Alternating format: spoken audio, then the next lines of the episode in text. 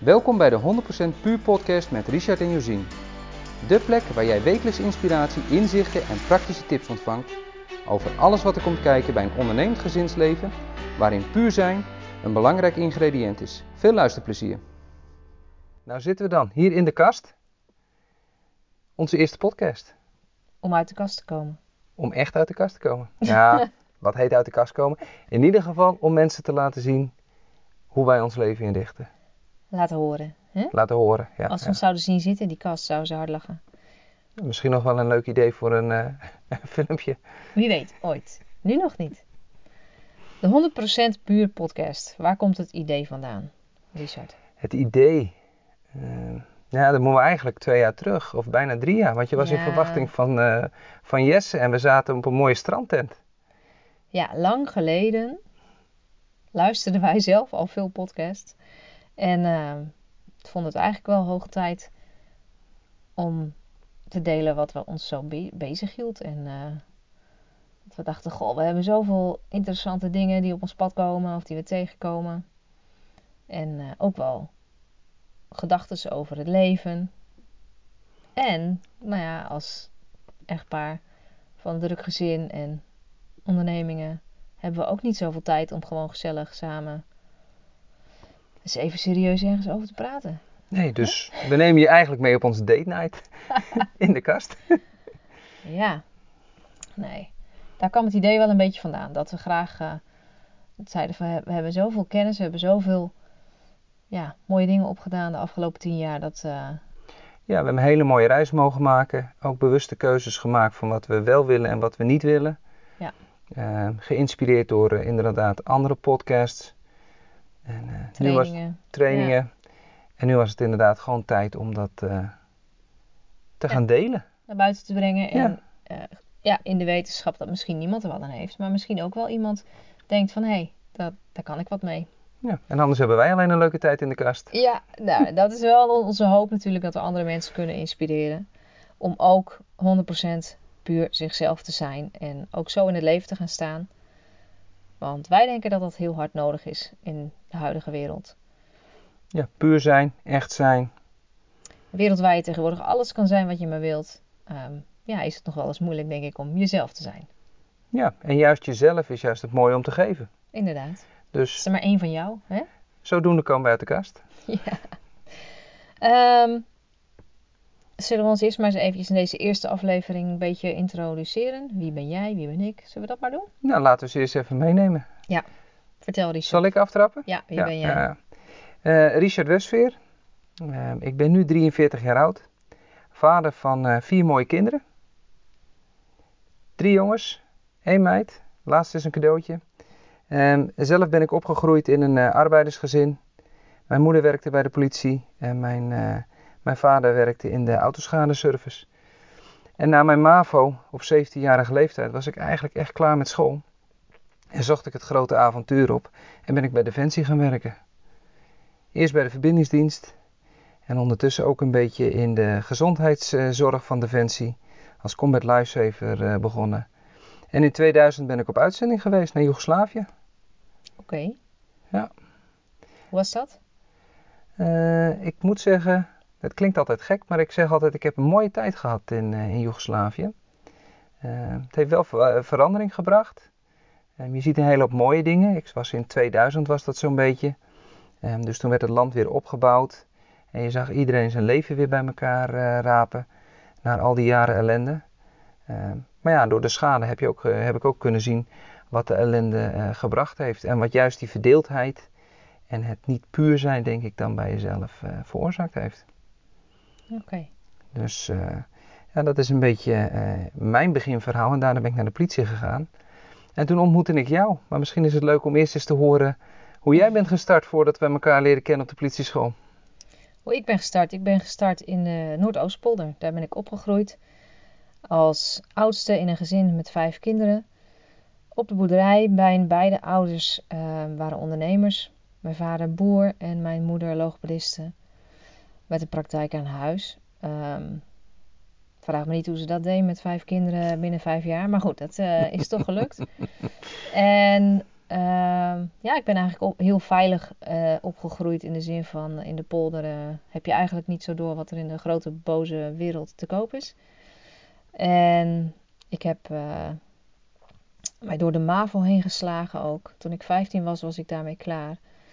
Toen ik, moest ik de HAVO gaan doen. Nou, daar dacht ik zelf iets anders over. Maar goed, ik heb het toch gedaan. En op, ben op een tiende gezakt en toen naar Amerika gevlucht. En uh, heb daar een jaar in Amerika high school gedaan. Wauw. Dus dat was mijn uitzending eigenlijk tussen aanhalingstekens door. Want dat heeft ook heel erg mijn leven bepaald eigenlijk. Als ik daarop terugkijk, dat jaar. Um, en toen kwam ik terug. Toen heb ik nog een jaar gewerkt. En nog eens geprobeerd zogenaamd om die HAVO te halen. En uh, toen ben ik inderdaad naar de politieschool gegaan. En daar kwam ik jou tegen. Ja, ja, ja. ja. en nu zitten we hier. Nou, dat is wel heel kort. Ja, nou, inmiddels zijn we bijna twintig jaar getrouwd, hè. Dus, uh... ja, ja, als twee broekjes kwamen elkaar tegen op de politieschool. Ja. Jij had uh, bijles nodig in uh, het, het zelfverdediging gebeuren. Oh, oh, oh. Ja. en die kans die greep ik goed aan, want ja, mijn achtergrond was judo. Dus zo kon ik je af en toe eens een houtgreep nemen.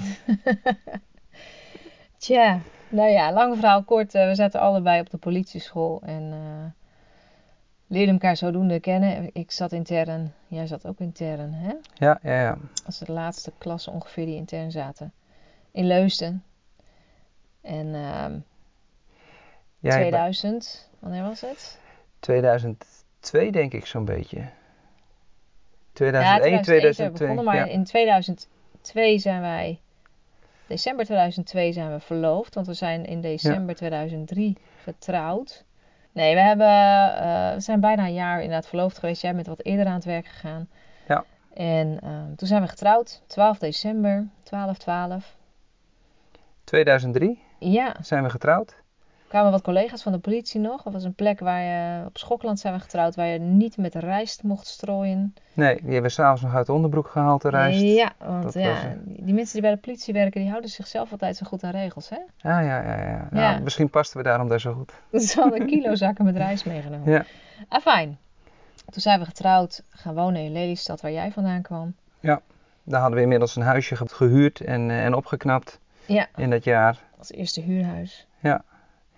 En toen, uh, nou eigenlijk even een paar jaar genoten. Allebei gaan werken. We ja. werkten in Almere. Ik in Almere stad, in het centrum en jij in Haven. In Haven, ja. En op een gegeven moment, toen kwam de eerste. Jared. Ja, op een gegeven moment werd ik zwanger. Toen kwam uh, Jared, onze oudste, die uh, in april van dit jaar 16 hoopt te worden. Die werd geboren en dat veranderde toch wel behoorlijk ons leven. Ja. Werk stond altijd op nummer 1 eigenlijk. Hè. We werkten allebei fulltime. Ja, ja, ik zat op dat moment ook bij een aanhoudingseenheid, dus ik was 24-7 eigenlijk oproepbaar. Ja, als de pieper uh, afging, dan uh, liet je alles uit je handen vallen. Dan was ik weer weg. Ja. En dat, uh, nou ja, dat maakte voor jou toch wel de keuze, denk ik, die tijd dat jij parttime ging werken. Ja, ik weet nog heel goed dat ik me herinnerde, dat ik een gesprek had met een leidinggevende en um, die ook daarop doorvroeg van wat ik ging doen als ik na mijn zwangerschap. En tijdens mijn zwangerschap had ik een tijdje verplicht binnengezeten. Want met een dikke buik kan je natuurlijk lastig op straat lopen. En dat beviel me eigenlijk niet zo goed. En ik dacht, ja, als nou straks dat uh, babytje geboren is, hoe ga ik dat dan doen? Want dat kind moet straks ook een keer naar school. Dat besef dat drong door toen hij geboren was. En ik dacht, ja, met twee van die ouders allebei volledig in de onregelmatigheid. Dat was gewoon heel lastig. Ja. er was ook geen kinderopvang op, voor te vinden eigenlijk, hè? Nee, nee, we zijn toen, we hebben wel gekeken en we kwamen toen bij, in eerste instantie bij een gasthouder. Dat was het enige wat werkte, omdat je allebei om het weekend moest werken. Hè? Ja, en we hadden gelukkig ook her en der opa's en oma's die af en toe nog wel eens even bijsprongen. Maar we hadden eigenlijk al vanaf moment één besloten van uh, opa's en oma's moeten echt opa's en oma's zijn. Ja. En niet, uh, niet, niet veredelde oppas of ouders. Uh. Nee, daar hadden we ons gedachten over. En nou ja, daarnaast was het eigenlijk geen optie voor mij om uh, binnen te gaan zitten achter een computer. Nee. Daar werd ik niet zo gelukkig van. En dat was eigenlijk wel de enige optie als je in de, in, uh, in de regelmaat wil bij de politie. Ja. En toen werd al gauw eigenlijk iets nieuws geboren. Een nieuw ja, idee. toen, uh, lang verhaal kort, toen dacht ik, nou, ik wil misschien toch wel ooit iets voor mezelf. Toen ben ik een cursus gaan doen bij de Rabobank toen nog. Voor ondernemers. En nou, daar gaan we een keer een hele aparte aflevering ja. aan wijden. Hè? Hoe dat maar, uh, tot stand gekomen is. Laten we het uh, korter gaan. Ik googelde op boerderijopvang, omdat ik dat zocht voor mijn kind. Kon ik niet vinden. En uh, in 2010 is uiteindelijk de boerderijopvang gestart. Kinderdagverblijf. Op Ja. de boerderij. Dus we zijn in 2010 zijn we verhuisd. Wederom Naar met een dikke buik. En inderdaad, nummer 2 was toen op komst. Onze Sven, die is geboren in juli 2010. En eh, in augustus is het kinderdagverblijf opengegaan. Jij werkte nog gewoon bij de politie en ik eh, ben toen voor mezelf begonnen. En eh, ja, vlak nadat die kleine geboren was, Sven, toen liep het kinderdagverblijf al ruimschoots met één medewerker. En was, moest jij nog een opleiding gaan doen? Ja, ik ben me toen om gaan scholen, want aan een politiediploma heb je helemaal niks buiten de politie om. Nee. Dus ik ben me gaan omscholen tot pedagogisch medewerker. En in ehm 2011, halverwege 2011, was ik daarmee klaar. En toen eh, inderdaad in de tussentijd al één medewerker in dienst. En zo is dat allemaal uitgegroeid. Uitgegroeid tot wat het nu is. Eigenlijk, eh, nou ja, je ondernemersbloed wat je had, dat heb je toen verwezenlijkt. En zo zitten we eh, nou ja, eigenlijk hier op het, op het platteland in de Noordoostpolder. Met een mooi kinderdagverblijf en inmiddels vier kinderen. Zelf, ja, dat hadden Zelf, we ook ja. nooit bedacht zo van tevoren. Hè? Nee, Ook weer een aparte aflevering waard. Maar Ga, goed. gaan we het zeker nog over hebben. Ja, ik ben inmiddels wel blijven werken bij de politie. Ehm, toen de tijd kwamen er ook essentiële oliën bij jou het kinderdagverblijf binnenlopen. Om het zo ja, maar te zeggen. ja, om de, de poeplucht tegen te gaan. Om de poeplucht tegen te gaan. En eigenlijk waren we altijd heel blij met de geur. Ja, en op die periode had jij erg last van hooikoorts ook. Dus eh, ja, zijn we ons daarin gaan verdiepen.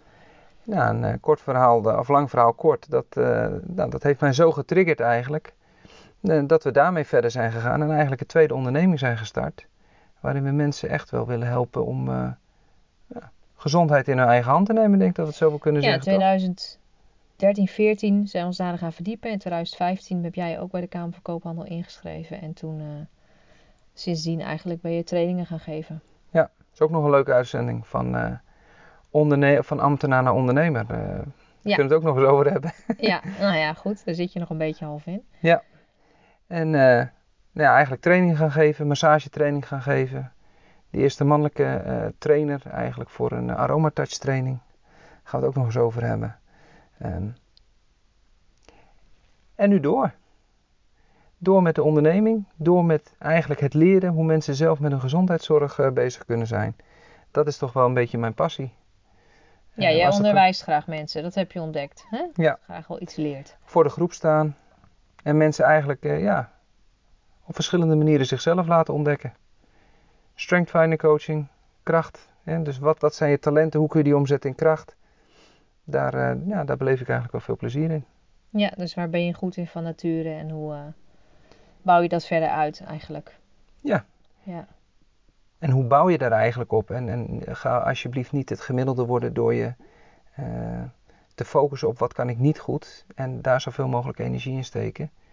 Maar juist datgene wat je, wat je van nature goed kan, dat verder uitbouwen. Ja.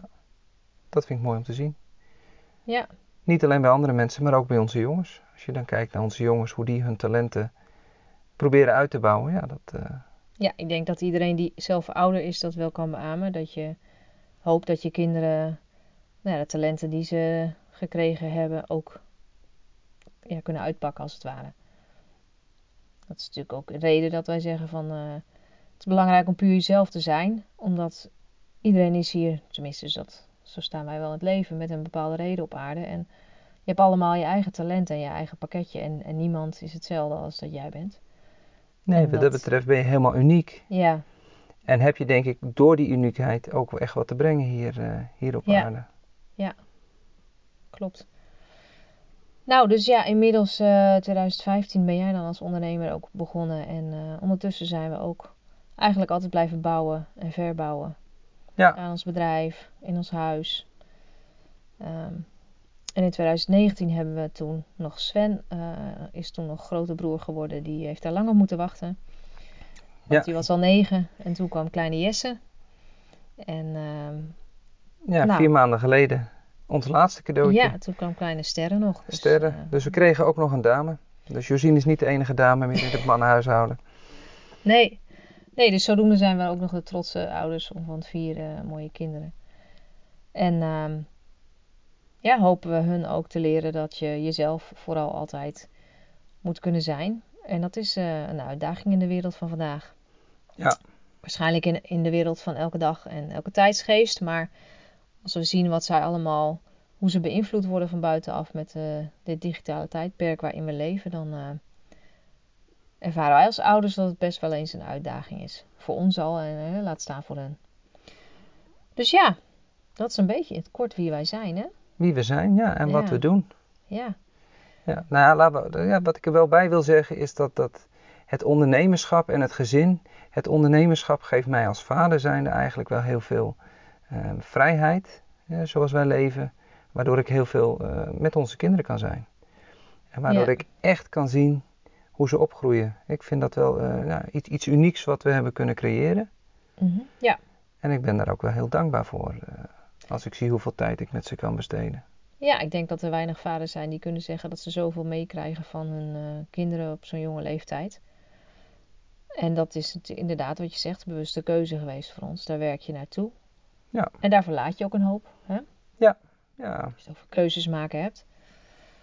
Uh, maar goed, ook dat zullen we nog verder uh, uit gaan lichten.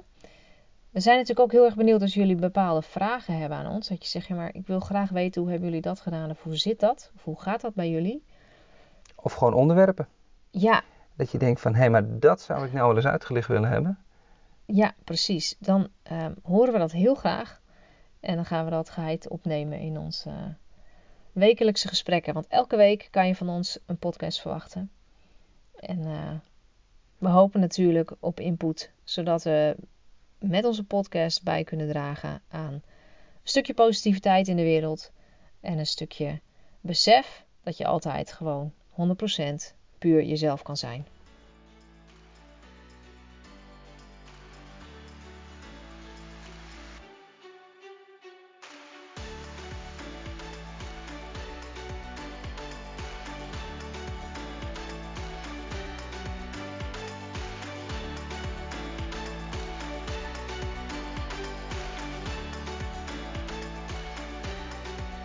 Ontzettend bedankt dat je luisterde naar deze aflevering. Ben je enthousiast geworden over deze podcast? Dan zouden we het heel erg waarderen als je een review achterlaat via de podcast-app waarmee jij luistert. Ook kan je je abonneren op onze podcast, zodat je telkens wanneer er een nieuwe aflevering online staat direct op de hoogte bent. Heb je tijdens het luisteren naar de podcast gedacht aan iemand die ook wel een portie puur kan gebruiken? Je kunt de podcast dan delen via social media of gewoon de link kopiëren en doorsturen naar diegene. Misschien ben je zover dat je zelf graag actie wilt ondernemen voor een 100% puur leven. Download in dat geval gratis ons stappenplan via www.pureolium.nl/podcast. Dat is www.pureolien.nl schuine streep naar voren P O D C A S T. Tot de volgende keer.